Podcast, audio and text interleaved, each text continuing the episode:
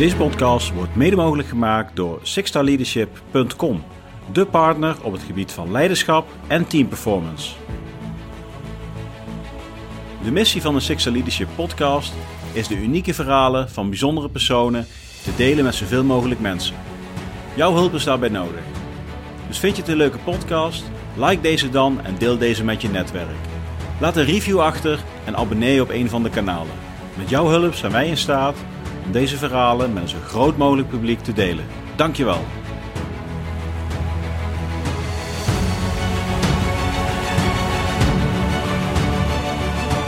Hey Joep, welkom. Alweer Ja, in de Sixer Leadership Podcast. ja. Nou, waarom alweer, denkt iedereen nu. We hebben 28 mei ook een gesprek opgenomen. ja. Toen hadden we nou hebben een colaatje. We hebben een paar cameraatjes meer dan vorige keer. Ja. Toen hadden we een paar biertjes. was heel gezellig. Ja. was heel leuk. ja. Helemaal naar Haarlem gereden. was een heel leuk gesprek ook. Alleen, eh, ja, als ik het zo zeggen, het beeld en het geluid zat ongeveer vijf minuten uit elkaar. Ja. Ja, dus de grap was niet meer te onderscheiden van Nee, eh, was, eh, het non-verbale. Nou goed. Ja. ja, maar toch welkom. Leuk dat je nog, nog een keer naar, naar de studio bent gekomen. Een andere studio, nog professioneler. Ja, ongelooflijk. Ja. En de mensen thuis, wie is, wie is Wolfs? ja eh, Joep Wolfs. eh, natuurlijk, wij, eh, wij, wij kennen elkaar van, eh, van Afghanistan. Hè? Dus eh, daar begint onze link. Maar wie ben ik? Eh Joep Wolfs, getrouwd. Ik heb een kind, ik woon in, in Limburg. Ehm, sinds anderhalf jaar nu Defensie uit en daarvoor eh, natuurlijk eh 13 jaar ongeveer in Defensie gewerkt. Meerdere rollen, meerdere rangen. En nu ja, de commerciële wereld in. Ik werk bij Stryker. Amerikaans medisch eh, bedrijf, gevestigd in, eh, in Venlo voor de Europese markt, onder andere. Ehm, en daar, eh, ja, daar heb ik nu een mooie functie sinds anderhalf jaar. Ja. Ja. Ik zal eens tegen jou vertellen dat je als Ronald Waterreus klinkt. Ja, ja nee, nu je het zegt eigenlijk, valt me nu pas voor het eerst op. ja, ja, ja, ja, ja, nee, ja, dat klopt. Ja, dat is geen straf. Ja, nee, nee. geen straf. Nee, een knappe man. Ja, Ja. ja. Iets korter aan, maar verder Ja, ja, leuk op elkaar. Ja. Ja. Nee, maar hij komt hij komt uit. Heeft hij ook wat even na? Nee, volgens mij komt hij uit de buurt van Vaals, dacht ik. Ja, wel echt het zuiden. Ja, echt uit het zuiden Hij van... komt uit eh, eh. ja, hij komt echt uit het zuiden van Ja. Limburg, dus eh, dat, dat, dat moet je wel horen. Maar volgens Ja. mij heeft hij inmiddels al een Eindhovense tongval. ja, ja, Dus, ja. ja. Ja, we kennen elkaar al eventjes. We hebben Ja. ook, eh, even kijken, 2005, 6 denk ik ongeveer. 2006, ja. ja. Kwam jij als 18-jarige, 18, 19 hoe oud was je? Eh, dat is, eh, ja, 19. Ja. 19 jaar. Ja, ja, ja. Kom je bij ons, onze groep eigenlijk, waar we al eigenlijk al volop in de voorbereiding zaten voor, eh, voor de uitzending in 2007. Ja, ongeveer een jaar van tevoren, ja. Ja. Hoe, hoe is dat voor jou gegaan? Nou ja, heel, eh, heel raar eigenlijk. Ik ben, eh, in 2005 ben ik bij Defensie gestart ehm, als manschap. Ehm, opleiding gedaan, hè, de, de algemene opleiding, de infanterieopleiding toen. Jullie waren verkenners, ik was initieel eh, bestemd voor de infanterie. Ehm, ben ik terechtgekomen bij eh, Limburgse Jagers, bij het 42e bataljon. Maar heel kort gezeten, eh, omdat ik bij een compie kwam die toen naar Afghanistan ging. Een peloton waar ik in zat, dat kwam niet in aanmerking. Ik was natuurlijk echt splinternieuw. Ehm, maar eigenlijk na een, een maand kwam al de vraag: zijn er mensen die eh, graag eh, ja, naar Afghanistan willen en die, eh, die bereid zijn om een overstap te maken, in dit geval naar 42 PV, dus naar de verkenners? Ehm, ja, voor mij was dat eigenlijk niet echt een vraag. Dus ja, infanterieverkenners. Ja. Zo geen vraag, daar was je voor het leger in gegaan. Ja, dat wilde ik echt eh, graag doen. Daar, dat was ook mijn, eh, mijn, mijn doel. Eh, dat had ik ook echt voor ogen. Dus mij maakte dat niet uit dat ik daarvoor van ene moest wisselen. Ik zat er heel kort, ik had er geen binding mee. Eh, dus ja, ik heb mij meteen eh, ja, aangemeld. En Ja. zeg, ja goed. Ik met, ik weet even niet meer hoeveel, maar in ieder geval met een aantal anderen zijn we toen naar jullie toe gekomen. Ja, een man of drie volgens mij. volgens mij wel, ja. Ja. Ik ken de namen niet meer. Hoe- Ik, eh, niet allemaal. nee. ik ken ze ook wel, maar ik mag ze niet noemen. Ja.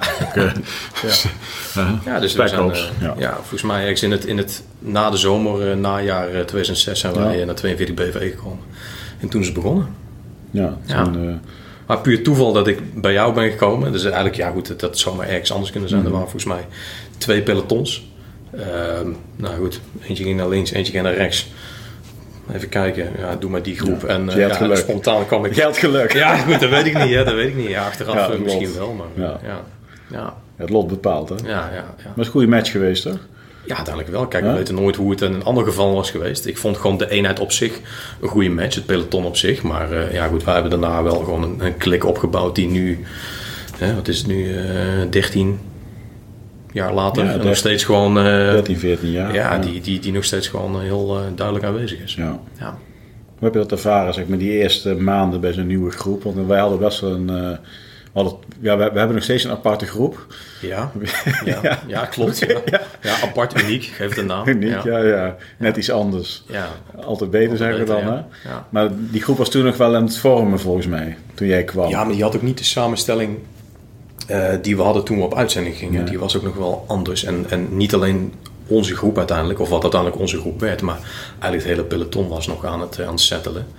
Um, maar ik was nieuw, enerzijds nieuw bij de ene, maar Mhm. überhaupt ook gewoon nieuw in het parate wereldje. Dus ja, ik, ik, wat dat betreft heb ik mij voornamelijk gewoon, uh, denk ik, heel erg opgesteld van ik kijk de kat uit de boom en Mhm. ik, uh, ja, ik, ik, ik, ik, pas me aan. Ik had nog niet uh, het idee van nou, ik, kom hier naartoe en ik ga Ja. even...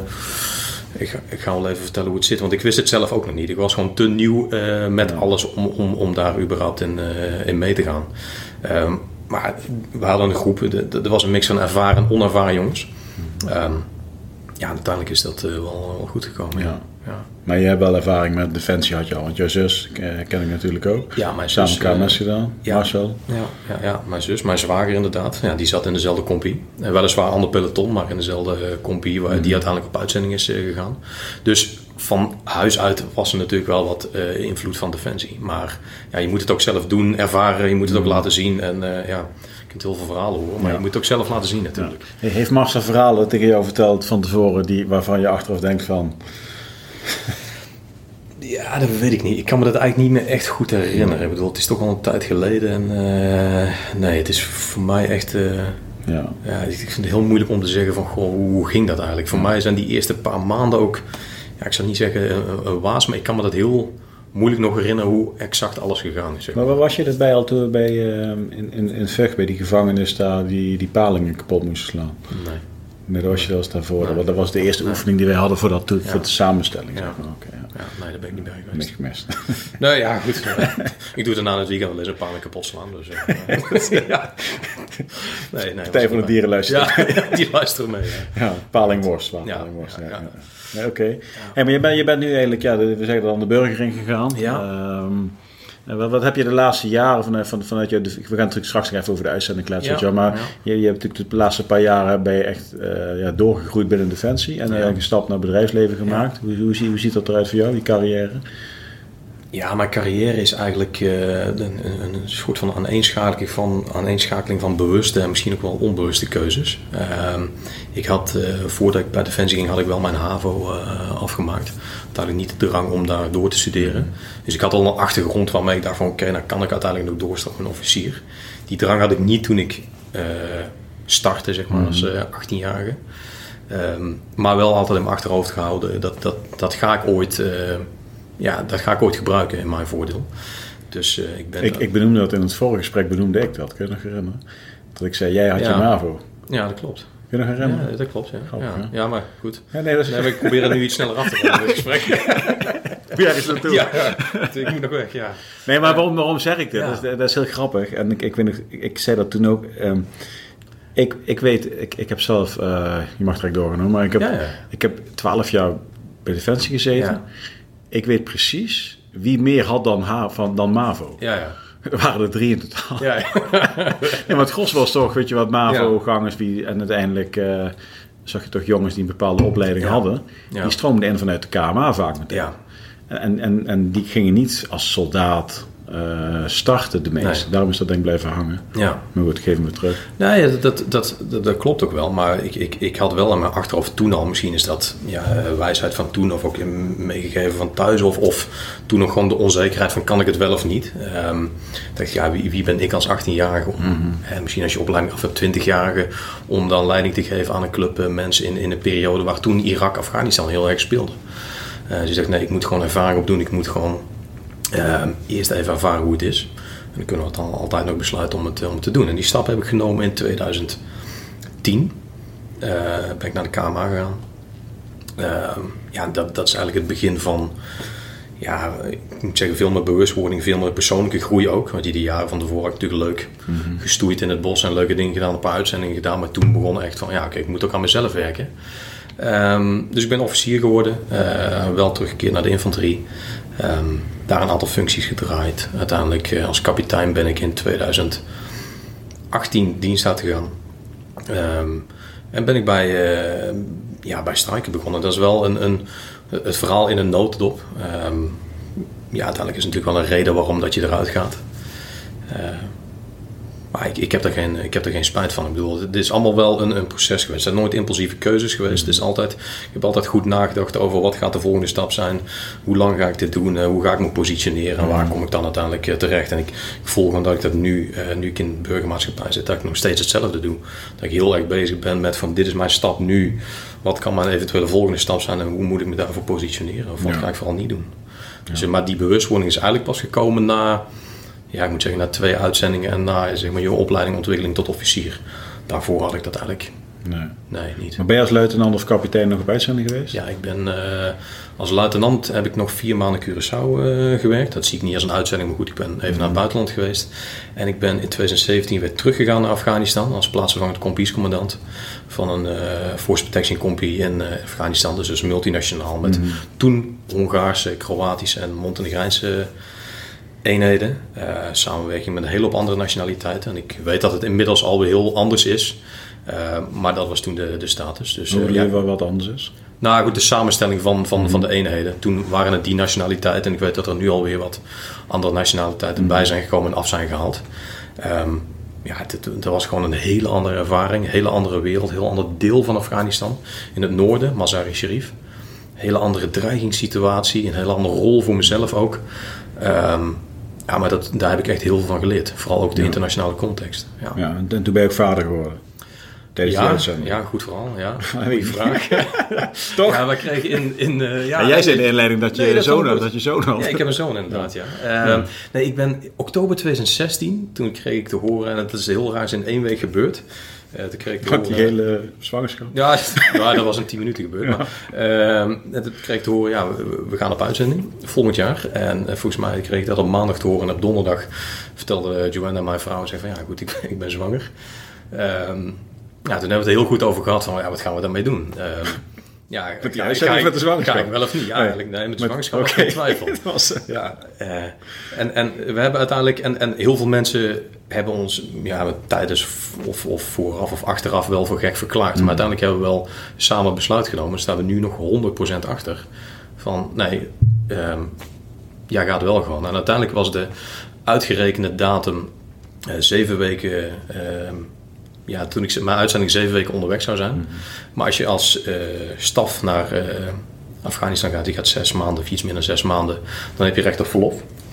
Dus ik heb een overleg met mijn toenmalige kompiescommandant gepland. Ja, als ik nou zeven weken die kant op ga en ik plan mijn verlof heel vroeg, dan kan ik naar huis vliegen. Nou, dat heb ik gedaan. Dus ik weet nog dat ik op woensdag naar huis vloog. Op donderdag, uh, ja, woensdag landen. Donderdag mijn vrouw naar het ziekenhuis heb gebracht. Uh, vrijdag nog even met een vriend bij gaan uiteten. Ja. Toen ik terugkwam van het uiteten waren de vliezen gebroken en s'nachts was hij er. Dus dat ja. was een, ja, qua timing perfect. En toen meteen weer terug of ben nog even thuis twee, geweest? Ongeveer twee weken thuis geweest. Ja. kleine twee weken.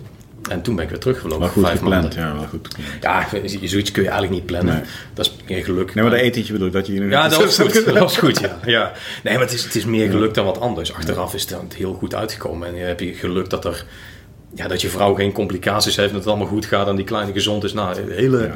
hele hoop dingen die er niet goed hadden kunnen gaan. Uiteindelijk is het allemaal goed gegaan. En ben ik nog een keer voor vijf maanden teruggegaan. Dus ja, toen ik uiteindelijk weer op Eindhoven landde, toen was uh, ja, die kleine die was uh, ja, drie keer zo groot. Ja, dat is een heel aparte gewaarwording. Maar ja, ik waardeer wel wat mijn vrouw in die tijd heeft ja, gedaan of doorstaan, zeg maar. Ja. ja. Heeft die uitzending uiteindelijk ook dingen gebracht waar je nu weer profijt van hebt? Dat je dat toen die keuze hebt gemaakt? Ja, ja ik, ik, moet zeggen, qua, qua, qua leidinggevende ervaring en qua leidinggeven ook in een internationale mm. context. Ik werk nu natuurlijk bij een Amerikaans bedrijf, heel multinationaal ook. En daar heb ik echt wel um, veel meer meegekregen. Hoe, hoe, ga je om met, met diversiteit binnen teams, met, met meerdere culturen in teams? Mm. Hoe ga je om met, met, met, met, met leiding geven met mensen met een hele andere insteek, een hele andere culturele achtergrond. Of die hele andere belangen hebben. Dus, dus op, een, op een veel hoger niveau dan, dan waar je normaal als pelotonscommandant mee eh, te maken krijgt. En dat, nou, dat helpt mij nu wel in, in, het, in het werk wat ik nu doe. Um, noem, noem eens een praktisch voorbeeld. Um, Die vraag verwacht je al zeker. Nou, ik heb niet het hele gesprek voorbereid zo, nee, nee, zo voor de hand zijn de vraag ook niet. Nou ja, ja goed, ik, ik, ik werk nu ik, ik uh, met een team. In, in, mijn team wat ik nu heb, daar heb ik 13 nationaliteiten. Mm -hmm. Ja, dat, dat is natuurlijk ongekend. 13. En 13. dat zit allemaal in Venlo? Of is dat ja. ook even om in ja, Venlo? Ja, er zitten 13 nationaliteiten die, uh, die, die in mijn team zitten.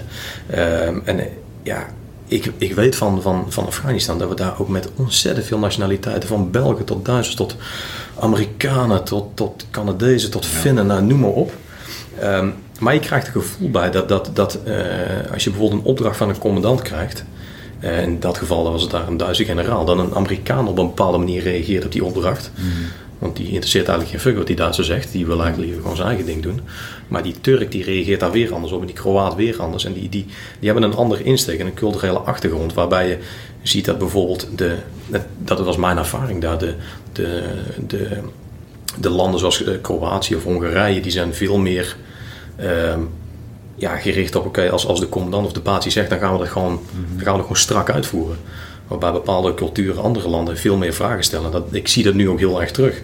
Als ik met, met, met, met Duitsers of met Hongaren, die heb ik ook in mijn team zitten, dat die heel anders, ja, heel anders op, op zaken reageren. Mm. Dat ik soms ook anders een opdracht uitleg aan hun als ik iets van ze verwacht. Dat ik misschien iets meer taakgericht dan opdrachtgericht moet zijn. Terwijl ik bij een ander, iemand met een andere achtergrond dat veel minder heb.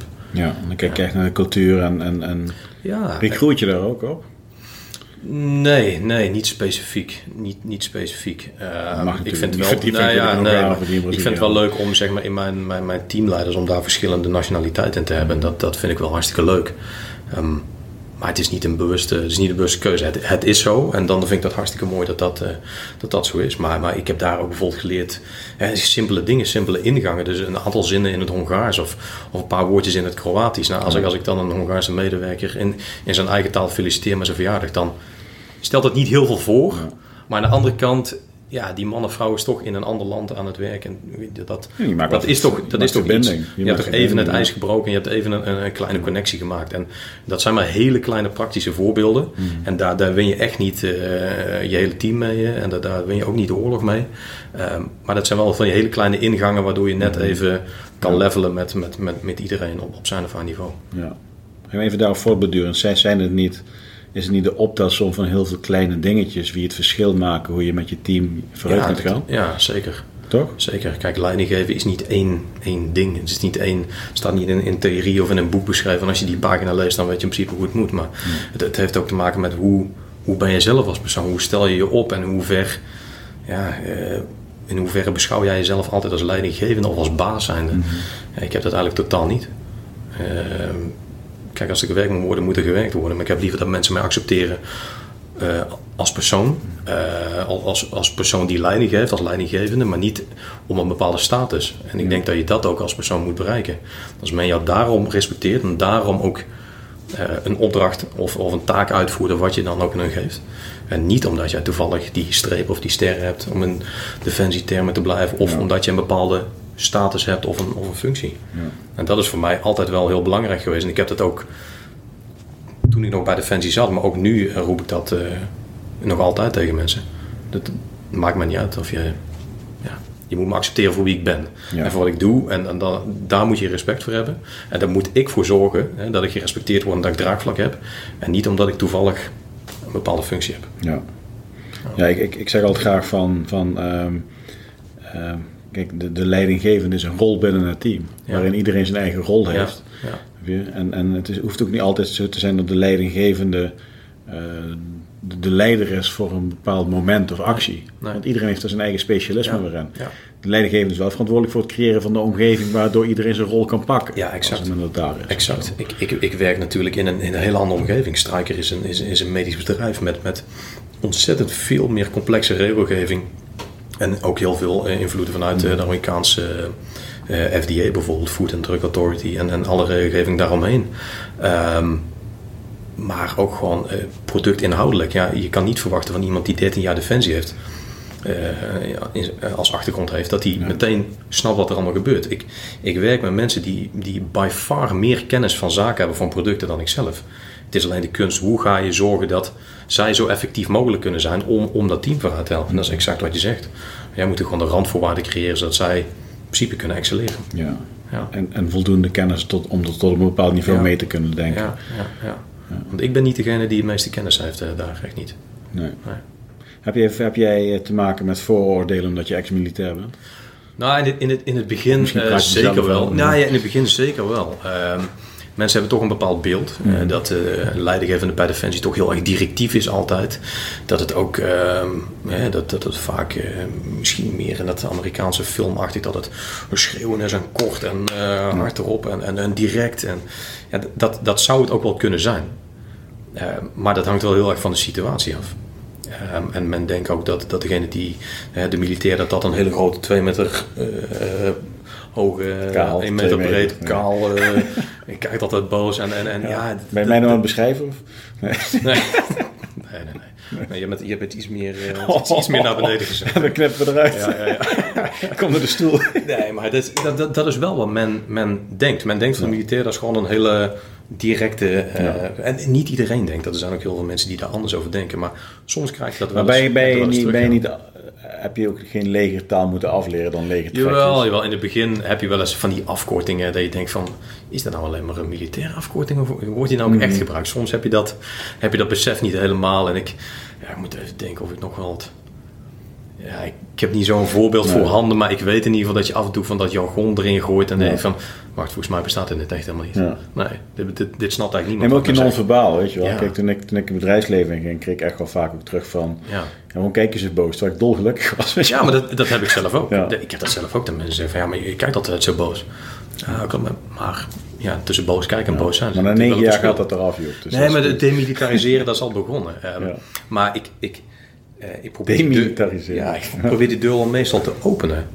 Um, de mensen denken van ja, maar de militair zijn is dan heel makkelijk. Ja, militair zijn eigenlijk wel, een leiding geven in een militaire context is eigenlijk best wel lastig. Hmm. Want je kan wel zeggen van ja, maar als je luitenant bent en je geeft dan een opdracht, dan gaat iedereen dat uitvoeren. Nou ja, dat valt wel mee. Zo werkt het niet. Zo werkt het niet. Je kan, eh, als jij een officier, eh, als officier een opdracht uitgeeft en je onderofficieren zijn het daar niet mee eens, dan gaan die, niet, gaan die dat echt niet blindelings uitvoeren. Nee. En zo hebben we natuurlijk ook een besluitvormingscyclus en commandovoeringscyclus heb je binnen Defensie.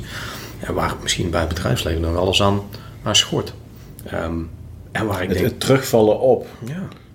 Ja, op gewoon een bepaalde ja. format, een bepaalde standaard. het is, het is niet de manier. Het is, kijk, uh, wat, bij Defensie is het niet de manier van aansturen of leiding geven. Het is wel een soort van vangnet mm waarin je altijd op terugvalt ja. op het moment dat het nodig is. Ja.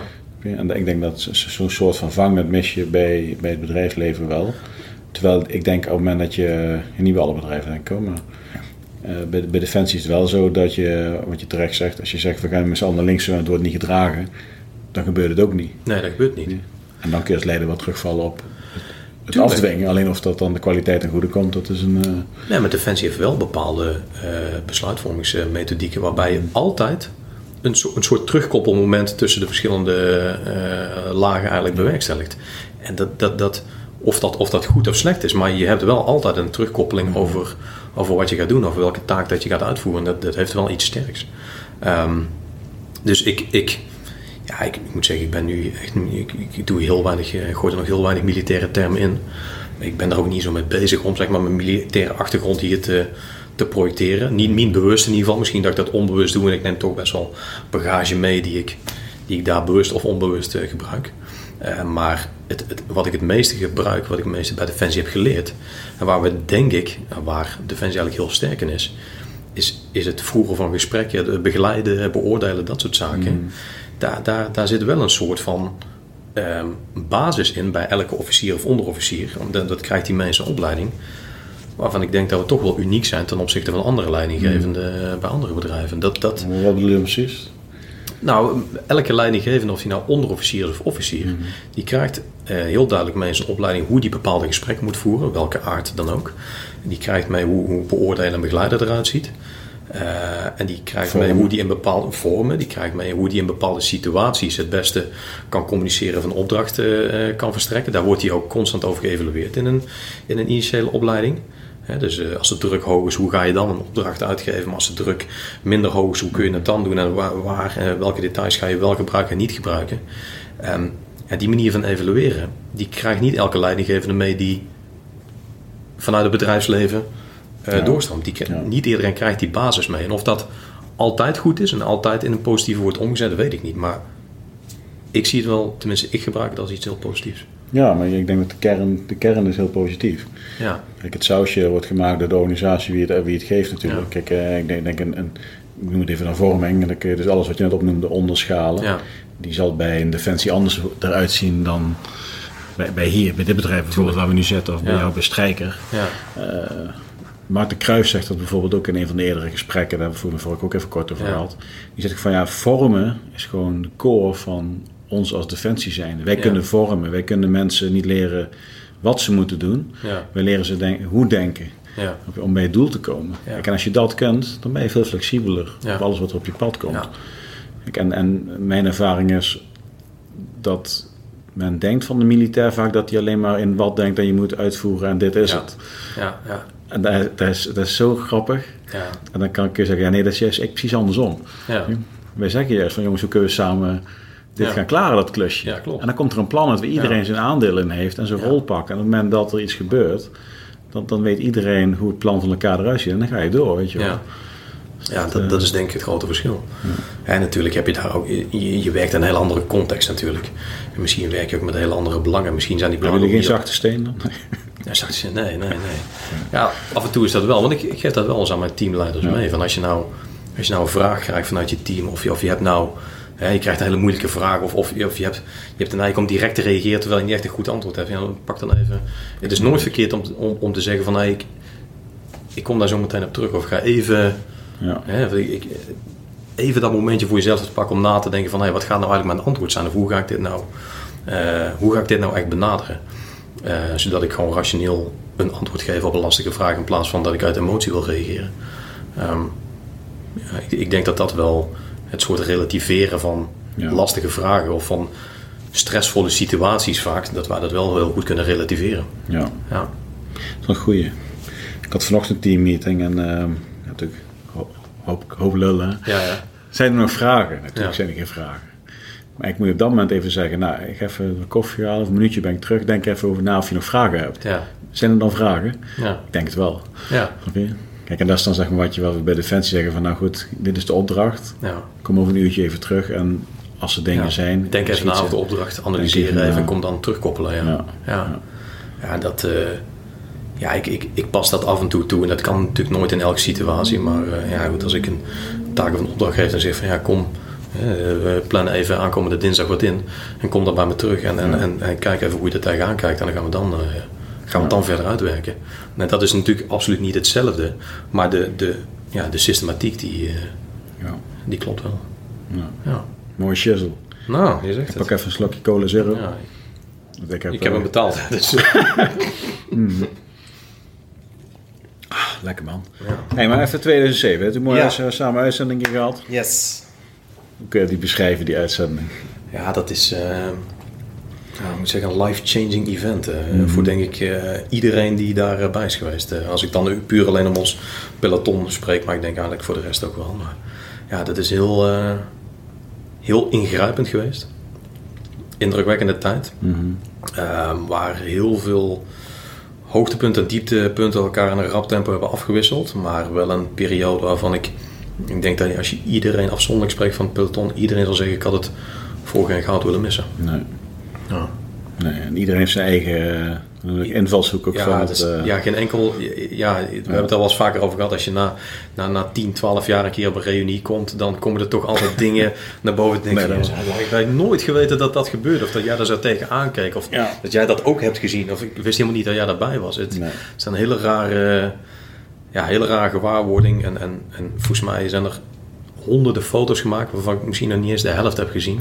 Ooit. En dat, ja, dat, dat is wel leuk. Dat er altijd weer eens nieuws boven tafel komt. Ja, die foto's moeten we wel een keer gaan kijken met Ja, z'n allen. maar er is zo bizar veel gebeurd in zo'n korte tijd. als vorig jaar was het, toen we bij mij thuis waren. Toen Emily, Ja. Emily de, Ja. was er ook bij. Ja, Toen ook in één keer, ik zei, ja, dit verhaal ken ik niet gaan ja, ja, dat is leuk. Al die invalshoeken. Ja, ja, Ja. Hey, maar als, je, als jij, zeg maar, jij, die, die uitzending heeft jou gevormd. ja. Wat, wat, wat noem, noem, noem eens twee dingen dat je zegt van... eh, nou, dit, hoe ik vandaag ben, zeg maar, dat komt mede door die periode. Nou, ik, ik denk dat één, één heel belangrijk eh, eh, ding is eigenlijk wel het, het, het relativeringsvermogen. Dat kan ook in het negatieve omslaan, maar ehm, je, je hebt niet heel veel last van.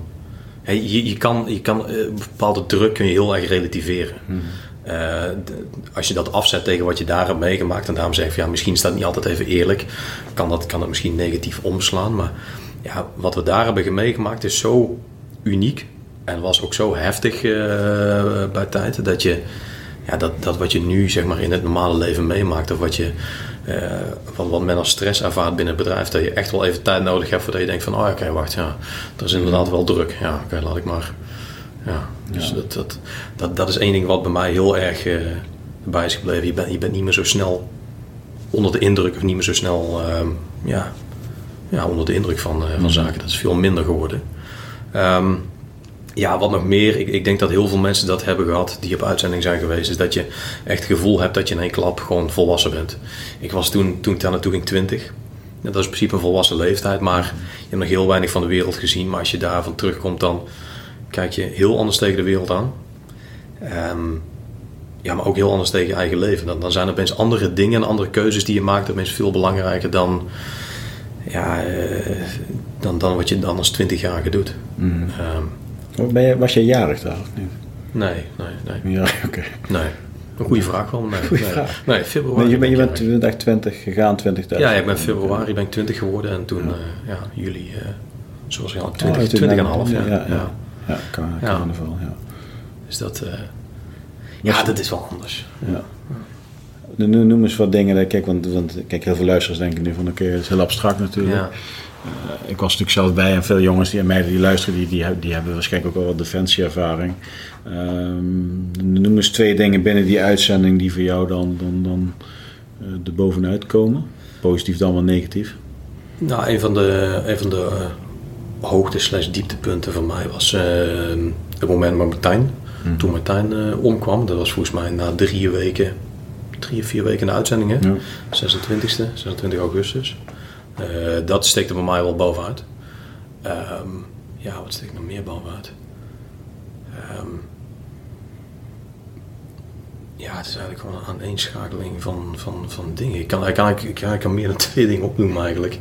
Ehm, ja, wa- wat er bij mij wel uitspringt is, is en dan pak ik niet een event, maar pak ik meer de uitzending in het, in, het, in het geheel, is de, de, de mate van normvervaging die uiteindelijk op is getreden. Als, als ik terugdenk aan de uitzending, dan denk ik niet zozeer aan één situatie, maar dan denk ik meer aan die hele periode, zeg maar, hoe dat jou als persoon verandert, maar ook als team en hoe je heel anders over dingen gaat nadenken. Dat, dat, dat proces, zeg maar, dat echt rete snel is gegaan, ja, dat, dat is mij wel bijgebleven. Van, Hoe, hoe, Ja. hoe kom je in zo'n situatie terecht? Dus, dus die twee dingen. Ja, maar Martijn en, en dat als een, als een geheel. En dat was natuurlijk een aaneenschakeling van evenementen eigenlijk vanaf, vanaf dat moment. Dat, dat is voor mij echt wel... Ik denk van, joh, wat, wat, wat heb je eigenlijk meegemaakt? Dat je nu zelfs 13 jaar daarna nog terugdenkt van... Ja, dat is eigenlijk best wel een heel bizar half jaar. Ja. Ja. Nou is het maar een half jaar. Hè? Het is maar een half jaar. En dat half jaar heeft echt een grote impact op, denk ik, ieders leven die daarbij is geweest. Ja, en daarom zeggen ze ook na zo'n uitzending je heel volwassen, omdat je misschien wel in zes maanden tijd leef je vijf jaar. Ja, moet je echt vijf jaar ouder. meer zijn. Ja, ja, ja. Oké, hey Martijn, wil je er iets meer over vertellen? Dat hele... Ja, ja, ja, ja, ja. We zijn, ehm, wij zijn, ik weet niet exact wanneer, maar ergens in juli zijn wij daar aan eh, gekomen. Eh zijn we begonnen in Derenwoed. En ehm, ik weet dat ik zelf, eh, maar ik weet ook meerdere binnen het peloton, en dat werd niet altijd hardop uitgesproken, maar dat we wel ook stiekem een beetje die kant op gingen op uitzending met het idee van, ah, het zou ook wel mooi zijn als we een keer een tik hebben of iets meemaken. Hè? Niet met, met gewonden of wat dan ook, maar dat we een keer iets meemaken zou wel mooi zijn. Dat je al dat geoefende toch wel een keer in de praktijk eh, brengt. Ehm, ja, en uiteindelijk hebben we vlak voor Martijn een keer eh, een vuurcontact eh, gehad. Ehm, en merkten we dat in, in de loop van de tijd steeds vaker een politiepost in Chutu werd aangevallen. Daar hebben we ook onderweg het eerste vuurcontact uh, gehad. Chutu een plaatsje in ons gebied. Ja. ja. Helemaal in het noorden waar we constant dan naartoe moesten. En waar we uiteindelijk een keer uh, midden in de nacht naartoe moesten. En uh, Martijn is dan een genist, onderdeel van een geniegroep. Een sergeant die dan voor ons meeging om te searchen. Een hoge berg omhoog, een overwatch om uiteindelijk zeg maar te ondersteunen bij die politiepost die dan zogenaamd aangevallen werd. Um, ja, en in, in de loop van de avond nacht zijn zij met een aantal jongens van ons naar voren gegaan om te searchen. Wij stonden met ons voertuig eigenlijk redelijk vooraan, zeg maar, of redelijk meest richting het noorden gericht. En met het zicht op uh, die jongens die daar aan het, naar Bernboom aan het, zoeken waren. Um, en ja, wat ik mij kan herinneren is dat je, je hebt wel eens uit een, uit een militaire oefening een knal of een explosie gehoord, maar wat je daar hoorde, dat was toen, toen die bermbom afging, waar uh, dan is omgekomen. Ja, dat was een, dat was een klap, dat is. Ja. voor mijn gevoel was dat, dat is de hardste klap die ik ooit in mijn leven heb eh, ervaren. En dat je echt een soort van, van, van rilling van, van, van in je teen tot aan helemaal boven je hoofd gewoon een soort echt naar boven voelt gaan. En denkt van jezus, wat, wat, wat gebeurt hier? Um, en dat was ook een van de eerste dingen die we echt hadden meegemaakt. In de nacht, een knal of flits, je zag echt totaal niet wat er gebeurde. En natuurlijk, daarna eh, werd het wel redelijk snel duidelijk. Maar ik weet dat wij toen helemaal niet echt in de gaten hadden in die eerste seconde wat er nou eigenlijk aan de hand was. Ja, de eerste, de eerste seconde was het van mortier. Een mortier inderdaad, ja. ja toen zei volgens mij Stefan Borrels meteen, dat is geen mortier. Nee. En toen kwam uiteindelijk Joram natuurlijk kwam, uh, teruglopen met, met zijn groepje. En, en dat was Nadiem, Nadiem was erbij. Ja, ja, ja, ja. Plus corporaal. Ja. ja, dus die jongens die zijn er heel, dicht, eh, heel dichtbij geweest. Uh, dus die hebben daar het meeste van meegekregen. Hetgeen wat mij dan bijblijft. En die hele nacht hebben we eigenlijk daar gestaan. Omdat er in de ochtend dan de explosieve opruimingsdienst zou komen. Ja. Uh, en dat wij eigenlijk aangewezen waren om uh, zeg maar Martijn uiteindelijk te bergen. in samenwerking met de EOD. En, en dat is ook de reden, hè, niet omdat ik dan naast heb gestaan, maar wel omdat we uiteindelijk zeg maar, dat hele proces hebben, hebben gedaan uiteindelijk. In de ochtend zijn wij met z'n tweeën samen met de EOD uh, naar voren gegaan om dat lichaam te bergen en, en, en alles veilig te stellen. En vandaar dat je daar zo'n enorme band mee hebt. Dat het heeft een hele diepe impact op iemand van 20 jaar natuurlijk. Dat hij, dat hij daar staat, dat hij dat doet nadat hij drie weken in het gebied is. Ja, um, ja dat, is, dat is heel bizar om mee te maken. En dat soort zaken ik zei straks van er zijn, zijn bepaalde zaken als ik terugdenk die heel wazig zijn voor mij die ik niet weet. Maar dit soort dingen die weet ik gewoon kraakhelder alsof het gisteren gebeurd is. Ja, ja. ja dat was heel bijzonder. was heel, uh, ja, heel bijzonder. Ja. Ja. En zowel positief als negatief. Wij wilden dat ook graag doen, ik weet dat nog. Jij stelde die vraag. En uh, uiteindelijk uh, heb ik volgens mij mezelf ook echt uh, ja, gezegd van ik wil, dat, mm. ik, ik wil dat doen. Ik wilde dat ook echt doen. Ik zag dat ook echt als een ja, als, een, als een plicht om, om, om dat te doen. Uh, maar ja, wat je, wat je daar ziet en wat je daar meemaakt zijn natuurlijk zaken die, die voor altijd wel op je netvlies staan. Ja, ja, ja. En, en, achteraf ook heel dankbaar dat we het hebben kunnen doen. Ja, tuurlijk. En, uh, ja. Ja, ja, zeker. Dus nee, ook, ook dat, ondanks dat het een, een, een ervaring is die, die natuurlijk een hele negatieve lading heeft en die verschrikkelijk is, um, ja, is dat wel iets waarvan je denkt van ja, goed, dat, dat blijft je bij en dan hou je wel een ja, ik zou niet zeggen een positief gevoel, maar dat is wel iets waarvan je denkt van ja, dat heb ik wel mooi bij kunnen dragen aan, aan die situatie. Heb je daar nog veel over gesproken na de uitzending met mensen? Heb je dat veel voor jezelf gehouden? Nee, ik heb eigenlijk de, de momenten dat ik daarover heb gesproken zijn eigenlijk de momenten dat wij bij elkaar waren met de groep. Mm dat zijn de momenten dat we, dat we daarover hebben gehad. Ik heb dat verhaal ooit wel een keer opgeschreven. Uh, puur voor mezelf, een aantal zaken opgeschreven tijdens de uitzending. Niet omdat ik daar ja, eerlijk zijn, niet dat ik daar heel erg in geloofde, maar ik hoorde en zag dat meerdere mensen dat deden. Ik dacht, oh ja, prima, dan schrijf ik ook gewoon dingen voor mezelf op. Um, je doet niet voor niks, toch? Nee, nee en, maar, maar later heb ik daar niet heel veel over gehad. Eigenlijk alleen maar met, ja, met, met onze groep. Um, omdat ik zeker in het begin, en nu zou ik daar heel anders in staan. Nu zou ik dat verhaal, en misschien niet dit verhaal, maar, maar niet, niet altijd tot in detail. Um, maar zou ik dit wel uh, kunnen vertellen. Maar in het begin had ik wel nog heel erg het gevoel van, ja, waarom zou ik dat eigenlijk gaan vertellen? Omdat niemand eigenlijk een idee heeft waar ik het over heb. Of niemand kan zich echt een beeld vormen uh, waar ik het over heb. Dus vandaar dat ik de eerste jaren eigenlijk nooit, eh, Nee. nooit echt over heb gehad. Met Joanna ook niet? Ehm jawel, daar heb ik het wel over gehad, maar ook ja, met, met haar ook nooit echt eh, compleet in detail.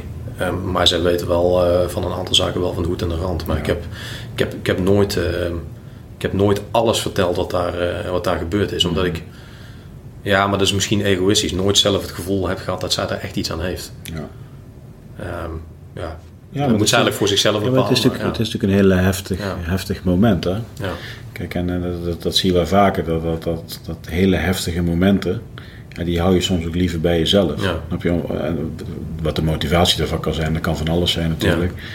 Kijk, ik heb eigenlijk, ehm, ik heb er wel over gesproken, maar ook nooit, ja, niet te veel in detail. En, Nee. en dan zoek je toch vooral je vertrouwde groepje Ja, op, natuurlijk. wie daar eh, deels bij betrokken is geweest, of Ja. het gewoon ook eh, wat- wat, beter kan plaatsen. Ja. Kijk, en, eh, Ja, daarom, Ja. ik, ik denk dat, dat eh, maar dat, dat, dat weet je natuurlijk van, van mij wel. Eh, ik denk dat ja, op één of twee reunies van ons na ben ik altijd overal wel, wel bij geweest. En ik weet dat eh, eh, Joanna ziet er ook wel het belang van in. Dus als ik zeg van ja, ik heb dan en dan dat afgesproken. Of ik rijd dan op die donderdag naar Haarlem. Al blijkt de podcast dan niet goed opgenomen te zijn. Maar maakt niet uit. Maar, Ja, wel een leuke avond Maar wel een leuke avond. En goede foto's op. Ja, daarom. Ja, maar dan, dan rijd ik gewoon die kant op. En daar is geen...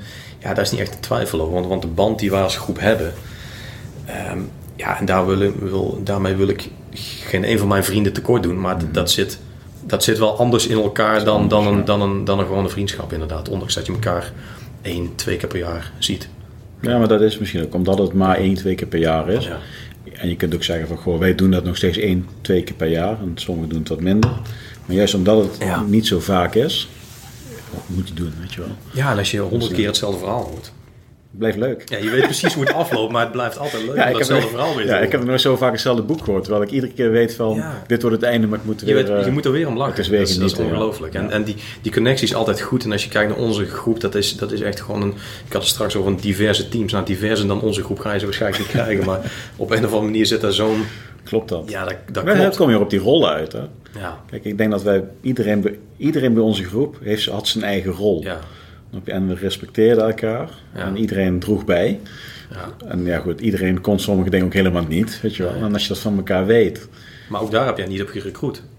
Jij stelt de vraag, Ik heb wel je afscheid genomen. Je hebt wel afscheid genomen, inderdaad. Dus maar ik, heb mensen... ruimte, ik heb ruimte kunnen creëren voor andere mensen om toe te staan. Ja, Zo, dat is ook, kijk, en dan moet je natuurlijk wel een beetje geluk hebben. Ja, geluk is ook niet meer waar. Ik denk dat je dan ook aantrekt wat je nodig hebt. ja. Dus ja, Ja, natuurlijk ben je ook zelf voor een groot deel verantwoordelijk over voor nou, hoe je je team vormt en hoe dat, hoe dat Ja. uiteindelijk eh, hoe je dat groepsproces gaat sturen. Kijk, ik, ik, ik denk wel dat uiteindelijk, eh, eh, ik praat even over jou nu, want je zit Ja. tegenover me.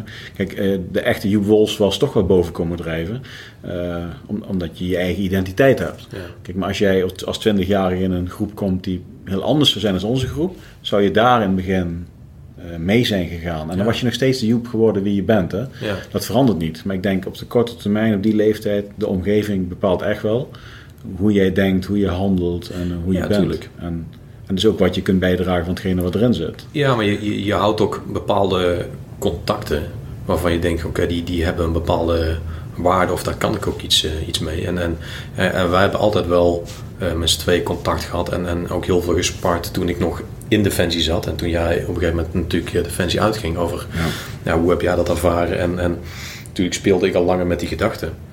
En ik, ik weet dat we het heel vaak over hebben gehad. Ja. Ja. Nee, maar ik weet dat we het heel Ja. vaak over hebben gehad. Van ja, hoe, hoe is dat dan en welke, welke stap ga ik dan maken? Ehm, ja, ik heb er wel lang over getwijfeld. Ja. Ehm, ja, omdat ik toch, toch het gevoel had dat ik daar wel een goede carrière maakte. Uiteindelijk, ehm, ja, uiteindelijk eh, gaat die, die stijgende lijn die wordt een beetje vlak. En dan, eh, dan, maak je een, een, eh, dan maak je een andere keuze. Maar wij hebben het daar wel heel vaak over gehad. En dat heb ik natuurlijk ook bewust gedaan. Van, ja, het is wel handig als je ja, een bepaald voorbeeld of een, een connectie hebt om iemand om, om daarmee te sparren.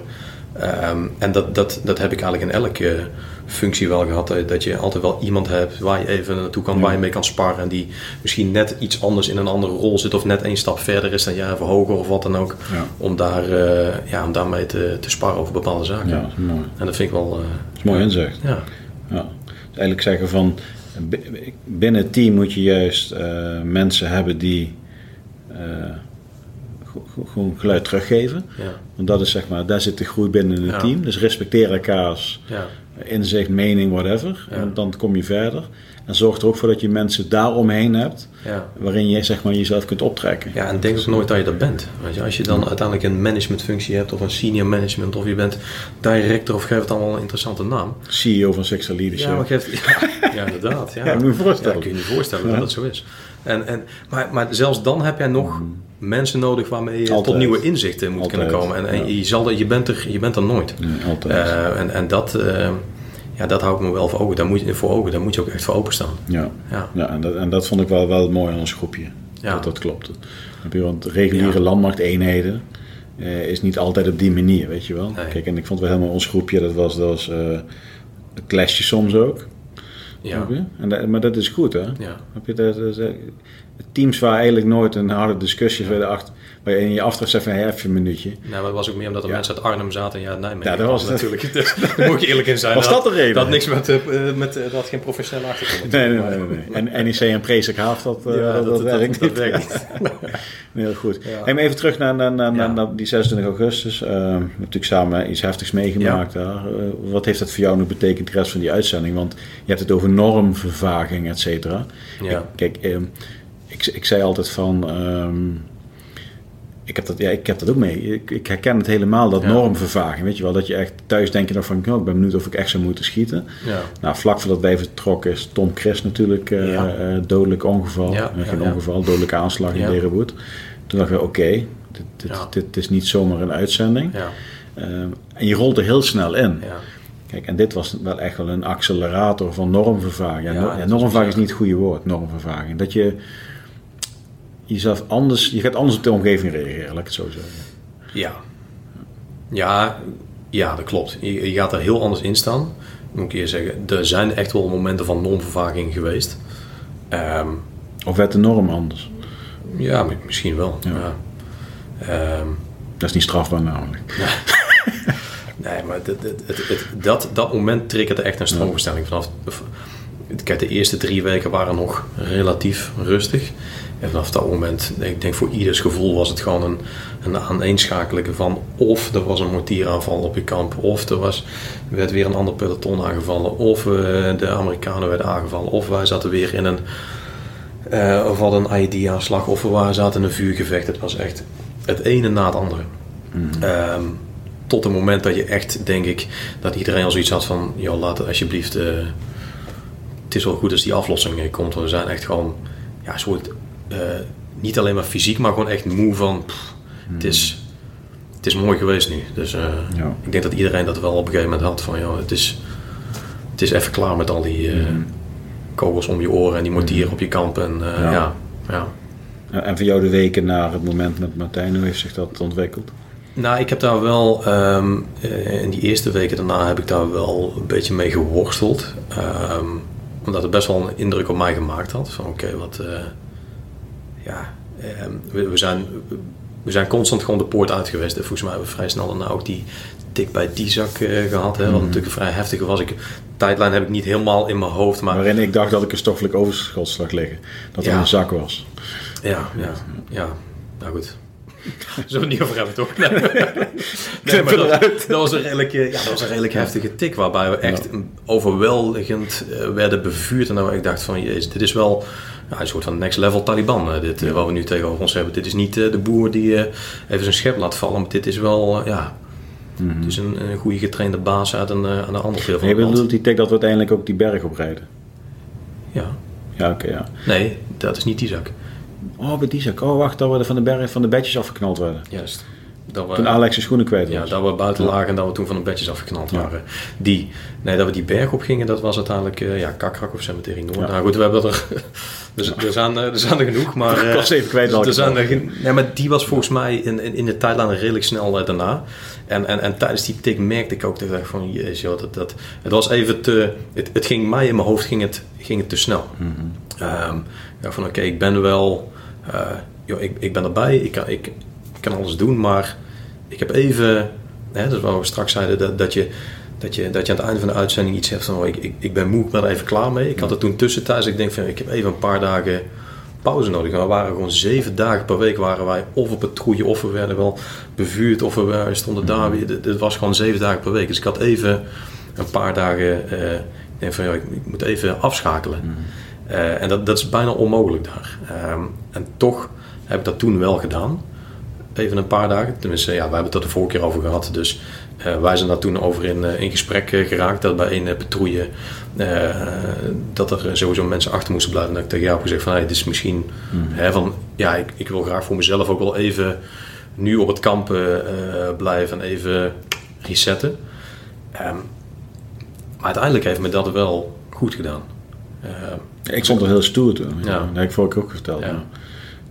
Ja. Dat, dat je toen op die leeftijd, waarin je eigenlijk met z'n allen liefst altijd erbij wilde zijn. Hè? Ja. Want we ook nog een keer Romeo-groep, we moesten ja. overal erbij zijn. Dat je op dat moment de keus maakt van uh, koopmans, wachtmeester, ik weet niet hoe je me noemde, Patrick. Ja.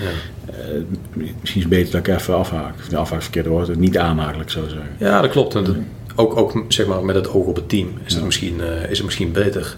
Ja. Maar ik heb wel gemerkt, hè, ondanks dat ik daar weer een ander vuurgevecht, uh, heftig vuurgevecht gemist heb. Aan de andere kant, ja, mis is misschien, een, is misschien een raar woord, maar ja. ja. ik ben daar dan weer niet bij geweest. Aan de andere kant zijn er ja, meerdere leden van het team die, die bijvoorbeeld een moment waar ze dan niet bij zijn geweest, waar ik dan mogelijk wel weer bij zijn geweest. Dus uiteindelijk is het, ja, heften elkaar, wel, heften elkaar wel redelijk op. Maar ik merkte wel in de latere vuurgevechten, hè, bij, bij, bij, bij Kakrago, bij Cemetery Noord, dat ik gewoon 100% op aanstond. Ja. Uh, en dat het echt gewoon, uh, ja, er was geen drempel meer. Alles ging gewoon uh, ging gewoon. Ja. En dat ik toen, ik, ik weet nog een keer bij, bij, bij Kakrak dat we vanaf de flank bevuurd werden en stond uit die IPR. We hadden een coma en Diederik onderin dat uh, voertuig. Dus, en ik, ik weet nog dat ik aan het vuren was. Um, op, op een bomenrijn. Ik was aan het schieten en schieten en ik kan een magazijn liggen. Ja, zo een gegeven moment van ja, je moet even naar beneden, want, uh, want DJ moet ook even kijken. En uh, ja, dan ben ik maar naar beneden gegaan. Ja, goed, dan ga ik wel, ga ik wel even wachten, weet je wel. Dan heb ik wel even pauze. Ja, naast mij zat dan de coma. Ja. ja, voor de mensen die de coma kennen, als je daarmee onderin vast in de voertuig zit, dan uh, ja. is niet. Geen pretje. is geen pretje, nee. Nee, nee, nee. nee. nee. nee. Maar. Nee, maar, maar kon het heel goed in, in Arnhem hebben ze geen internet, dus hij ziet het. Nee. nou, hij, hij hebt wel zodra het online, online komt, denk ik. denk het als je 20 appjes gemist hebt, dan weet je. Ja, maar, ja, weet je, dus daarna is het. Is het maar DJ was groepscommandant van de, ja, van, van, van de andere groep. Toevallig met ons. En daarom moest hij. Uh, ja, toen moest hij even. Die moest niet alleen kijken, die, die had wel een functie mee. Ja, die had wel een functie, maar nou, je zei, laat DJ even kijken. Ja, weet ik nog dat je zei. En ja, toen ben ik naar beneden gegaan, mijn magazijn was toch leeg. En dacht van ja, goed. Weet je, ik was er veel helder, veel meer helder bewuster. bij, veel meer bewuster. En die, die, ja, dat, dat ene moment heeft mij gewoon echt goed gedaan. Ja. ja. Ja, dus dat, is echt, ja, dat snap ik, ja. ja. Die, die, die, die keer dat jij zei van beter dat ik op het kamp blijf, hè? toen hadden wij natuurlijk met de groep eh, die grote hindelaar. Ja. Daar heb ik in een andere podcast ook wel meer over gesproken. Noemen mijn, mijn helm, uh, ja, dingetje, weet je wel. Toen zat je op het kamp. Ja. Hoe, daar heb ik nog nooit aan jou gevraagd. En dan ben ik dus de vorige keer vergeten te vragen. Dus ja, Hoe was het voor jou? Daar heb ik eigenlijk nooit over we hebben weer eens nieuws. We kunnen weer een blassen erbij schrijven. Maar... Ja, eigenlijk heb ik daar niet heel veel gevoel, gevoel bij. Omdat ik, eh, kijk, achteraf gezien komen daar verhalen uit wat er gebeurd is. Maar als jij op Volendam zit, dan krijg je een buitenpost dan. Dan krijg je heel weinig mee. Om een paar knallen en wat rookpluimen dan. En aan die knallen kun je wel enigszins afleiden hoe heftig dat het is. Mm -hmm. Maar ik, heb dat filmpje van Joey gezien. Ja. Kijk, ken je dat filmpje vanaf de muur? Mm, weet ik niet. Als je dat, als je dat ziet, dan denk je van dat gaat, eh, dat gaat niet goed komen daar, zeg maar. Nou, ik, ik, ik heb het wel een deel meegekregen, ook over de radio uh, wat, wat, wat meegekregen, maar ik had er toen weinig gevoel bij. Het, het, was alleen dat ik, dat ik wist daarna, zeg maar toen jullie zullen eerst naar het kamp gegaan en uiteindelijk weer teruggekomen, uh, dat ik toen eigenlijk wel um, ja, te horen kreeg hoe het was geweest, weet je. En dan denk je, oké, ja prima, dan, dan krijg je nog niet, heel, krijg je niet het beeld bij het geluid wat je hoort mm. uiteindelijk. Uh, en dat is eigenlijk weer refererend terug naar eh, toen jij aan mij vroeg van, heb je dat verhaal ook wel eens ja, thuis verteld? Want je denkt van, ja, ik vond het toen heel moeilijk om een beeld te vormen bij wat er uiteindelijk gebeurd was, terwijl ik daar praktisch naast zat. Ja, daarom vind ik het heel lastig om te vertellen aan mensen thuis bijvoorbeeld, die kunnen daar helemaal geen beeld bij vormen. Vandaar dat ik toen ook wel en dat soort dingen bij mezelf heb gehouden.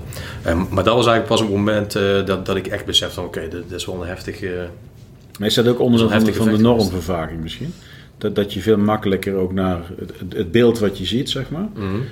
Ik laat wel eerlijk zijn, als ik nu eh, over de stad heen kijk, zie je allemaal rookpluimen, dan denk ik wel van fuck, dit gaat niet goed. Ja. Terwijl op dat moment keek je naar een met dorpjes met rook en het was. Het, het, wel, het was.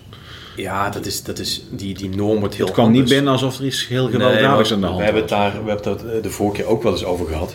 Is op, op op- in die periode gebeurt er zoveel dat, dat jij niet meer onder de indruk raakt van een, een, een- een knal of een rookpluim of wat dan ook. En ik, ik weet nog toen dat moment dat het Amerikaanse kamp, de Tykes, werd aangevallen, Mhm.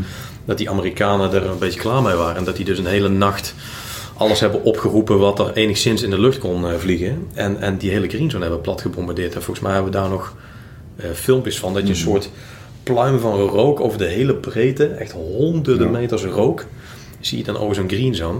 Fosfor. Ja, waarbij je eigenlijk denkt... hè, dus ik was natuurlijk vaak, we waren vaak aan het 31, hè, lekker aan het kaarten. En als je dan hoorde van ja, ik ga er 500 pond gooien, dan denk je van ja...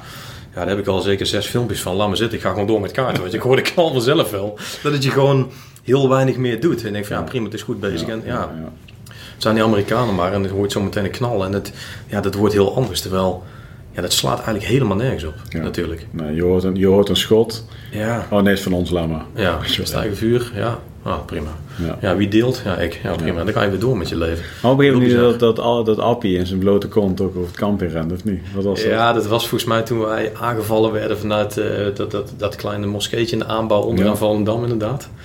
Eh, toen, eh, Hij stond onder de douche, of niet? toen sprongen wij, ja, toen sprongen wij met z'n allen in de, in de IPR inderdaad. Maar hij stond zich te douchen. Dus die kwam volgens mij in zo'n goed sportbroekje. Ik kan me nog herinneren. Met zijn, met zijn haar vol met zeep kwam die... eh, ja, ik kwam niet naar die IPR gerend op zijn slippertjes. En die moest meteen de toren plaatsnemen en Ja, was terug. schitterend, ja. Ja. Ja, dat was wel... ja, dat zijn leuke verhalen, joh. Dus als je dat beeld terugziet, ja, eigenlijk... Ja, ik denk elk ander weldenkend mens die zou denken, dat is een beetje een raar verhaal natuurlijk. Maar ja, voor ons is dat heel grappig. Dat zie je gewoon voor je, dat hij daar aankomt te rennen. blauw broekje Ja, ja. dat vind ik echt mooi. ja, Ja, maar hij was ook wel heel vaak aan het douchen. Dus Ja, de kans groot wel dat vaak, ja. eh, ja, ja dan, dan, dan kun je dit verwachten natuurlijk. Ja. Ja. Ja, en, en ehm, ik, ik weet ook nog goed dat jij, eh daar op een met die actie op Cemetery Noord is dat Mhm. volgens mij, toen we bij drie hebben aangesloten, Ja, dat we op een gegeven moment die, die, die Taliban-strijders bij, die- bij dat huisje zagen ja, gaan. ja, ja. Dan had je ook wel een moment of fame. Ah, ja, klopt. Want dat, dat, dat is eigenlijk een soort... eh, ja, Weer dat- over de coma. Nee, dat verhaal, het is een verhaal in, in meerdere fases. Eh, want dat was eigenlijk een van de weinige keren eh, dat ik, ehm, laat ik het zo zeggen, je- ziet niet heel vaak Taliban-strijders. De, de mensen die zeg maar daar zijn geweest, die weten, je wordt al vaak, eh, misschien word je wel bevuurd, maar je ziet ze niet altijd. Nee, Je ziet ze niet altijd. maar iedere dag. En, en daar zag ik hem echt gewoon zitten, richten met een RPG op ons. Eh, en dat wij gewoon, eh, ja, gewoon niet op tijd waren met terugvuren. En die RPG die vloog natuurlijk achter ons. En daar ik uiteindelijk wel nog met de Minimi heb, eh, heb gevuurd. Ehm, volgens mij is dat ook het moment dat Appen met zijn 25 mm heeft gevuurd. En dat ik die hulzen tegen mijn kop heb gekregen.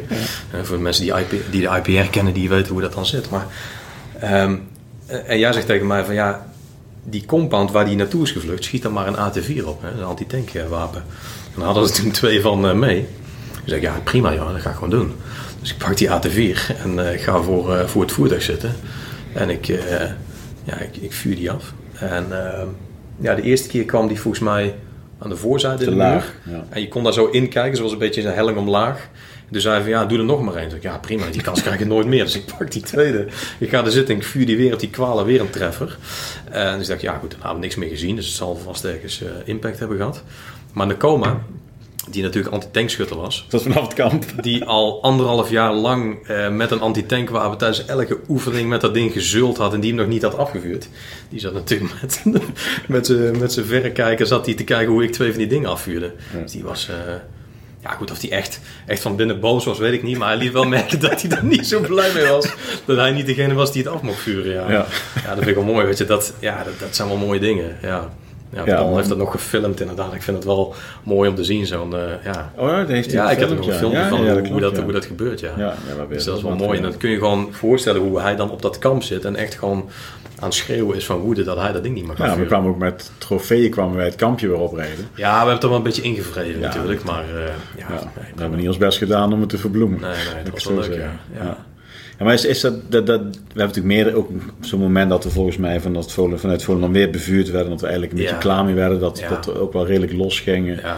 Kijk, er zat vijand. eh, maar het was wel, we, wa- we waren redelijk in actie, zeg maar. Ja. Ik het daarbij houden. Ehm, is, is dat dan ook dat stukje ook normvervaging? Dat je heel anders in de wedstrijd gaat zitten op een gegeven moment. Als je dit soort dingen allemaal meemaakt. Ja, ik denk ook niet dat we iets hadden van, van, van, van wraak of, of terugpakken of zo. Het is alleen je, je, je hebt niet meer dat moment dat als je bevuurd wordt, dat je zegt van wat, wat, wat overkomt mij en, en wat gebeurt er en, en, en, en hoe, hoe handel ik in deze situatie, hoe moet ik terug doen. Dus eigenlijk gewoon echt in een split second Ja. vol erbovenop en met alles wat je hebt. Ja. Ja, dus dat die enkele boer die dat toevallig zijn schep aan de kant heeft gelegd, dan waarschijnlijk ook denkt van, oh ja, dat doe ik ook nooit meer. Eh, het is dat, dat, dat moment daartussen, dat, dat soort schrik-effect van wat gebeurt mij nou, dat was op een gegeven moment helemaal weg. Ja. Ehm, dus ja, wa- waardoor je veel alerter en veel scherper op, op alles wat er maar gebeurde reageerde. En die, eh, ja, dat, dat, dat merkte je wel, ja. Ja. En, en soms ook met een bepaalde nonchalance. Eh, want we hebben natuurlijk in Kandahar, eh, toen we klaar waren met de uitzending, volgens mij heb je daar met Martin Cruijff ook over gehad, dat we daar eh, Mhm. Ja, op dat kamp waren ja, en dat er ergens een mortier viel. Maar ja, dat was ergens in de buitenring twee kilometer verderop. En wij zeiden van ja, maar ik ga je toch niet, maar ja, ik zit hier net, we zitten hier net een potje te kaarten, weet je wel. Ik ga toch niet in een bunker zitten of zoiets. Ja, dat we toch wel vriendelijk verzocht werden om toch die bunker in te gaan. Ja, ja. Ja, die, die norm is natuurlijk helemaal weg. Want ik weet als we, we zitten nu in Eindhoven, maar als hier nu een mortier valt op de parkeerplaats, ja, dan gaan we toch onder de tafel liggen waarschijnlijk. Ja, dat is heel raar, omdat het, hier zou het heel raar zijn natuurlijk. Ja. En daar was dat totaal niet meer, Nee, niet nee. meer vreemd. Nee. Nee, als je daar op de parkeerplaats valt, dan is het goed nieuws. Ja, dat is prima. Bij wijze spreken. Ja, ja. Ja. ja, ik heb nog dat momentje dat ik die tractor op aan het gidsen ben. Gewoon bij, Chutu, zeg maar. Dat Ja. Paul zijn tractor afrijdt. Ah, ja, ja, ja. Dat er gewoon nog, nog geen 100 meter gewoon van eigenlijk, eigenlijk gewoon gesignaleerde vijandzaal. ja, ja. ja. Fuck, weet je wel. Ja, dat slaat helemaal nergens ja, op. klemde me uit. Ja. Ja, ik de tractor wel opgidsen, Ja. weet je wel. Terwijl ik gewoon weet van, ja, daar zitten ze. Ja. Of je wel zeggen, door, door de, mic- door de, die dingen, die walkie-talkie dingen, die icons. Ja, die Er werd, ja. werd ook gewoon gesproken van, oh, ze staan stil en ze hebben pannen, weet ik veel wat. En Ja. dan, ja, dat had je in Nederland niet moeten oefenen. Dan Nee. ik gezegd van, blijf thuis. Ja, ja, dat slaat nergens op. Ja. Gids zonder vuur. Ja, ja. En jou, jij nog een treffer verhaal. Eh, Dat is, ja. ook, is dat ooit al een keer echt openbaar? eh, Ja, dat is natuurlijk wel tijdens borrels en reunies eh, Ja. uiteindelijk wel eh, bekend geworden. Natuurlijk het feit dat iedereen al lang wist dat het, eh, dat het zo was. Hè? Maar eh jij doelt natuurlijk op het verhaal van het paard. paard? Nee, die bedoel ik niet, maar die mag je ook vertellen. Ja, nee, ik heb, ik heb daar een paard neergeschoten. En Dat is nog een vervaging. ja, denken mensen van ja, waarom schiet je een paard? Ten eerste, wat doen die paarden daar? En ten tweede, waarom schiet je het paard neer? Ehm, Wat doen die paarden daar? Ja, wat doen die paarden daar? Ehm, ja, je ziet er niet heel veel paarden trouwens. Daar, daar moeten we al mee beginnen. Er zijn wat ezels, zijn dromedaarse kamelen en dan houdt het er gewoon op. Ehm, maar er was ooit een verhaal, en dat was ook niet eens bevestigd volgens mij, maar er was een soort van flarden van informatie dat er eh, wat, wat, wat welvarende Taliban-commandanten zich wel eens verplaatsten per paard. Ja, goed. Voor mij was die, die, stukje informatie was in principe al voldoende. is hoogwaardige intel, Job. Ja, dat was, dat geen eh, hoogwaardige intel. Maar in ieder geval, dat kwam, dat kwam wel. weet je, dat stukje informatie Waarom een keer Tsjetsjenen? Ja, Tsjetsjenië. Ja, ja, klopt. Ja. Nou, maar ja, goed. Uiteindelijk was er dus, eh, werd er dus vanuit Volendam werd er een, een, een verdacht iemand op een paard gesignaleerd. Nou, goed. En ik, ik heb niet echt een band met paarden. Ik heb daar niet zoveel mee. Ehm, en ik was zo'n schutter lange afstand. Dat niet verteld natuurlijk. En ehm, ja, lange afstand schutter. Gewoon een, ja, goed, een, Sniper light version. ja, wel een light light inderdaad. Tegenwoordig worden wel iets beter opgeleid dan, eh, dan toen in die tijd. wel iets meer eh, plus plus dan wat ik toen was. Maar aan de andere kant, je hebt een iets, beter wapen en kunt over grote afstand kun je wel eh, ja, wat raken. In dat geval was het 850 meter. Dat zijn van die details, die blijf je altijd wel bij. Eh, en zeiden ze van ja, kun je, kun je waarschuwingsschot lossen om die man uit die kwala, uit dat huis waar hij toen zat, daar te lokken, waar dat paard voor stond. Ik zei ja prima, dat gaan we doen. Dus ik ben toen met Sander ehm, naar voren gegaan en dat was eh, spotter. Dus die, die lezen en zegt van ja, 850 meter. Hij heeft ook nog gefilmd trouwens. Dat was wel leuk. Ehm en toen zegt hij, ja, ga een waarschuwingsschot geven. ja, ik heb natuurlijk wel, kijk, ja, Op de omgeving of op het paard? Nee, gewoon middendoel. Ja, middendoel. Dus gewoon op het paard, gewoon midden erop. En ik weet dat hij door zijn schouder eh, naar binnen is gegaan.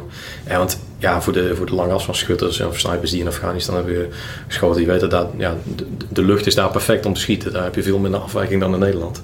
En dus daar ontzettend windstil. Dus je, ja. ja. waar je op schiet, de kans is vrij groot dat je dat ook wel raakt. Ehm, ja, dus die ging er vol doorheen. Dat paard heeft nog even doorgesprongen. Uh, en uiteindelijk is die plat gegaan. ja.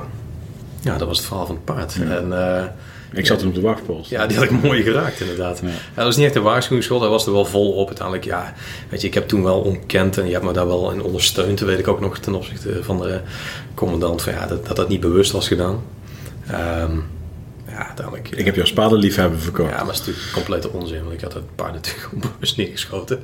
Dat had voor- en nadelen. Voor is, ja, ik heb er een leuk verhaal aan overgehouden.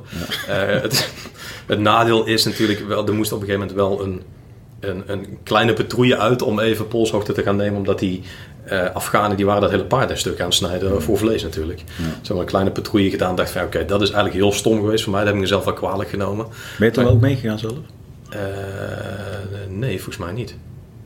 Maar ik kan me niet meer herinneren. Het zou best wel kunnen van wel. Okay. Dat weet ik niet meer 100% zeker. Um, ja, dat die, die is ook maar heel kort even eruit geweest, maar, de perimeter. Maar dat nam ik mezelf wel kwalijk. Dat is gewoon echt een domme actie geweest. want als daar nou iets zou gebeuren, ja, dan, dan vergeef je zelf nooit meer voor een domme actie. Uh, maar dat was redelijk in de veilige ring. Dus uiteindelijk is dat goed gekomen. En is die eigenaar van het paard, wat dus totaal geen Taliban-strijder bleek te zijn, wel even komen cashen bij het kamp. Volgens mij die 500 dollar betaald. Toen kon hij weer, ja. kon hij weer vertrekken. Ja. Ja. ja. ja, goed, dat gebeurt hè. Legendarisch. Ja, dat zou ik eh, daarna niet meer. Kijk, als officier zou je dat normaal nooit meer doen, maar toen nee. dat wel nog. Ja. Was je corporaal of was je, was je al die Ja, corporaal was je toen. Ja, ja. Oh, je was snipen of uh, ja, afstand. Ja. ja. Die was, oh nee, want, want Sander was mijn plaatsvervanger toch? Ja. Van de groepen. Ja. Ja. Mooi man. Ja. Dus ja, dat is een leuk verhaal. Ja. Ja, bijzondere tijden, joh. Zeker. We hebben een hoop dingen voor ons liggen, dus... Uh... Ja, dat hoop ik wel, ja. ja. Wat zijn de dingen die op dit moment het belangrijkste zijn in je leven? Los van uh, vrouw en kind natuurlijk, maar waar ben je mee bezig? En... Um, ja, waar, waar ik de afgelopen tijd heel erg mee bezig ben geweest, is gewoon wennen aan de nieuwe dynamiek. Die zeg maar het burgerleven uh, heet, daar ben ik echt wel aan, aan gewend. Mm -hmm. uh, en waar ik of wij nu mee bezig zijn, en dat is eigenlijk gewoon mijn vrouw en ik, van ja, wat, wat gaat onze volgende stap zijn? Ik ben, ik ben aan het kijken van wat wil ik professioneel gezien. En ik, ik bind me nergens aan. Mhm. Ik werk nu bij Stryker. Ja, vraag maar niet waar ik over twee of drie jaar werk. Want dat weet ik niet. Misschien is het dezelfde werkgever, misschien ook niet. Um, maar wij zijn wel heel erg bezig met waar ligt voornamelijk de volgende uitdaging. En dat bedoel ik ook heel erg, mijn, mijn vrouw en ik, we sparren er heel veel over. Van waar ligt die uitdaging? Is dat professioneel of ook misschien privé? Of willen we nog we willen misschien nog uh, een baan in het buitenland, we willen misschien nog weg. En, en uh, dit huis waar we nu zitten, blijven we daar zitten of gaan we ergens anders naartoe? Of uh, zij heeft een eigen zaak en, en blijft dat aanhouden? Of, of ja, hoe gaat dat eruit zien? Dus we, zijn, we zitten nu echt in een soort brainstorm fase van wat gaan we eigenlijk in het komende jaar, twee jaar, wat gaat het besluit worden, waar, wat, wat eigenlijk ja, misschien wel die komende vijf jaar gaat bepalen. Ja. Um, en daar zijn we echt heel erg mee bezig. Van, van wat maakt je nu gelukkig? Waar zie je echt die uitdaging in? Ik weet dat we ook gewoon echt een bucketlist hebben opgeschreven. Apart van elkaar. Van wat zouden we nog graag willen? Welke landen willen we nog bezoeken? Um, wat willen we nog doen? En, en ja, langzaamaan merk je dat we dat toch wel hier en daar wat dingetjes van het afvinken zijn.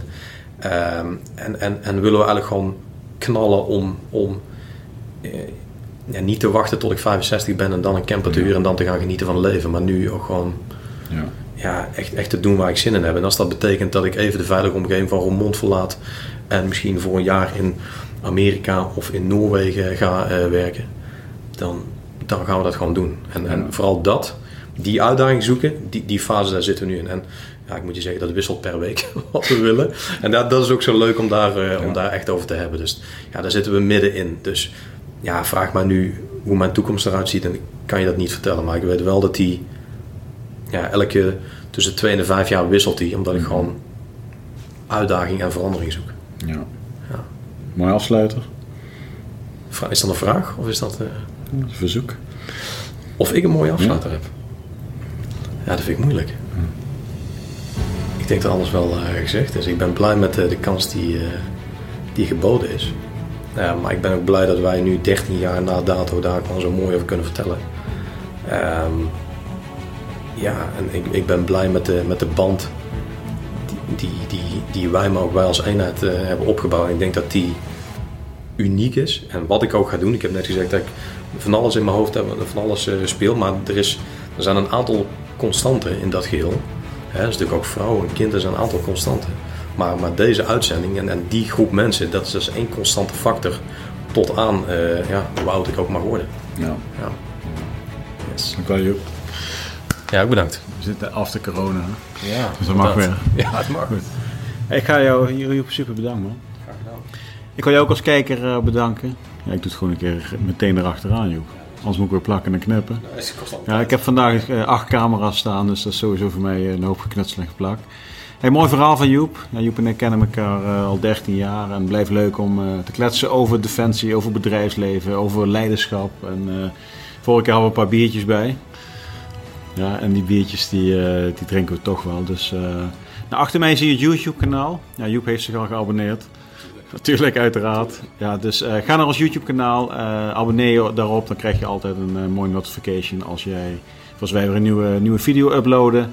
Ga ook even naar de site, dan kun je aanmelden voor de newsletter en ook voor de podcast. En voor nu bedankt voor het kijken en luisteren. Joep bedankt en stay tuned. De missie van de Sixer Leadership podcast is de unieke verhalen van bijzondere personen te delen met zoveel mogelijk mensen. Jouw hulp is daarbij nodig. Dus vind je het een leuke podcast? Like deze dan en deel deze met je netwerk. Laat een review achter en abonneer je op een van de kanalen. Met jouw hulp zijn wij in staat om deze verhalen met een zo groot mogelijk publiek te delen. Dankjewel.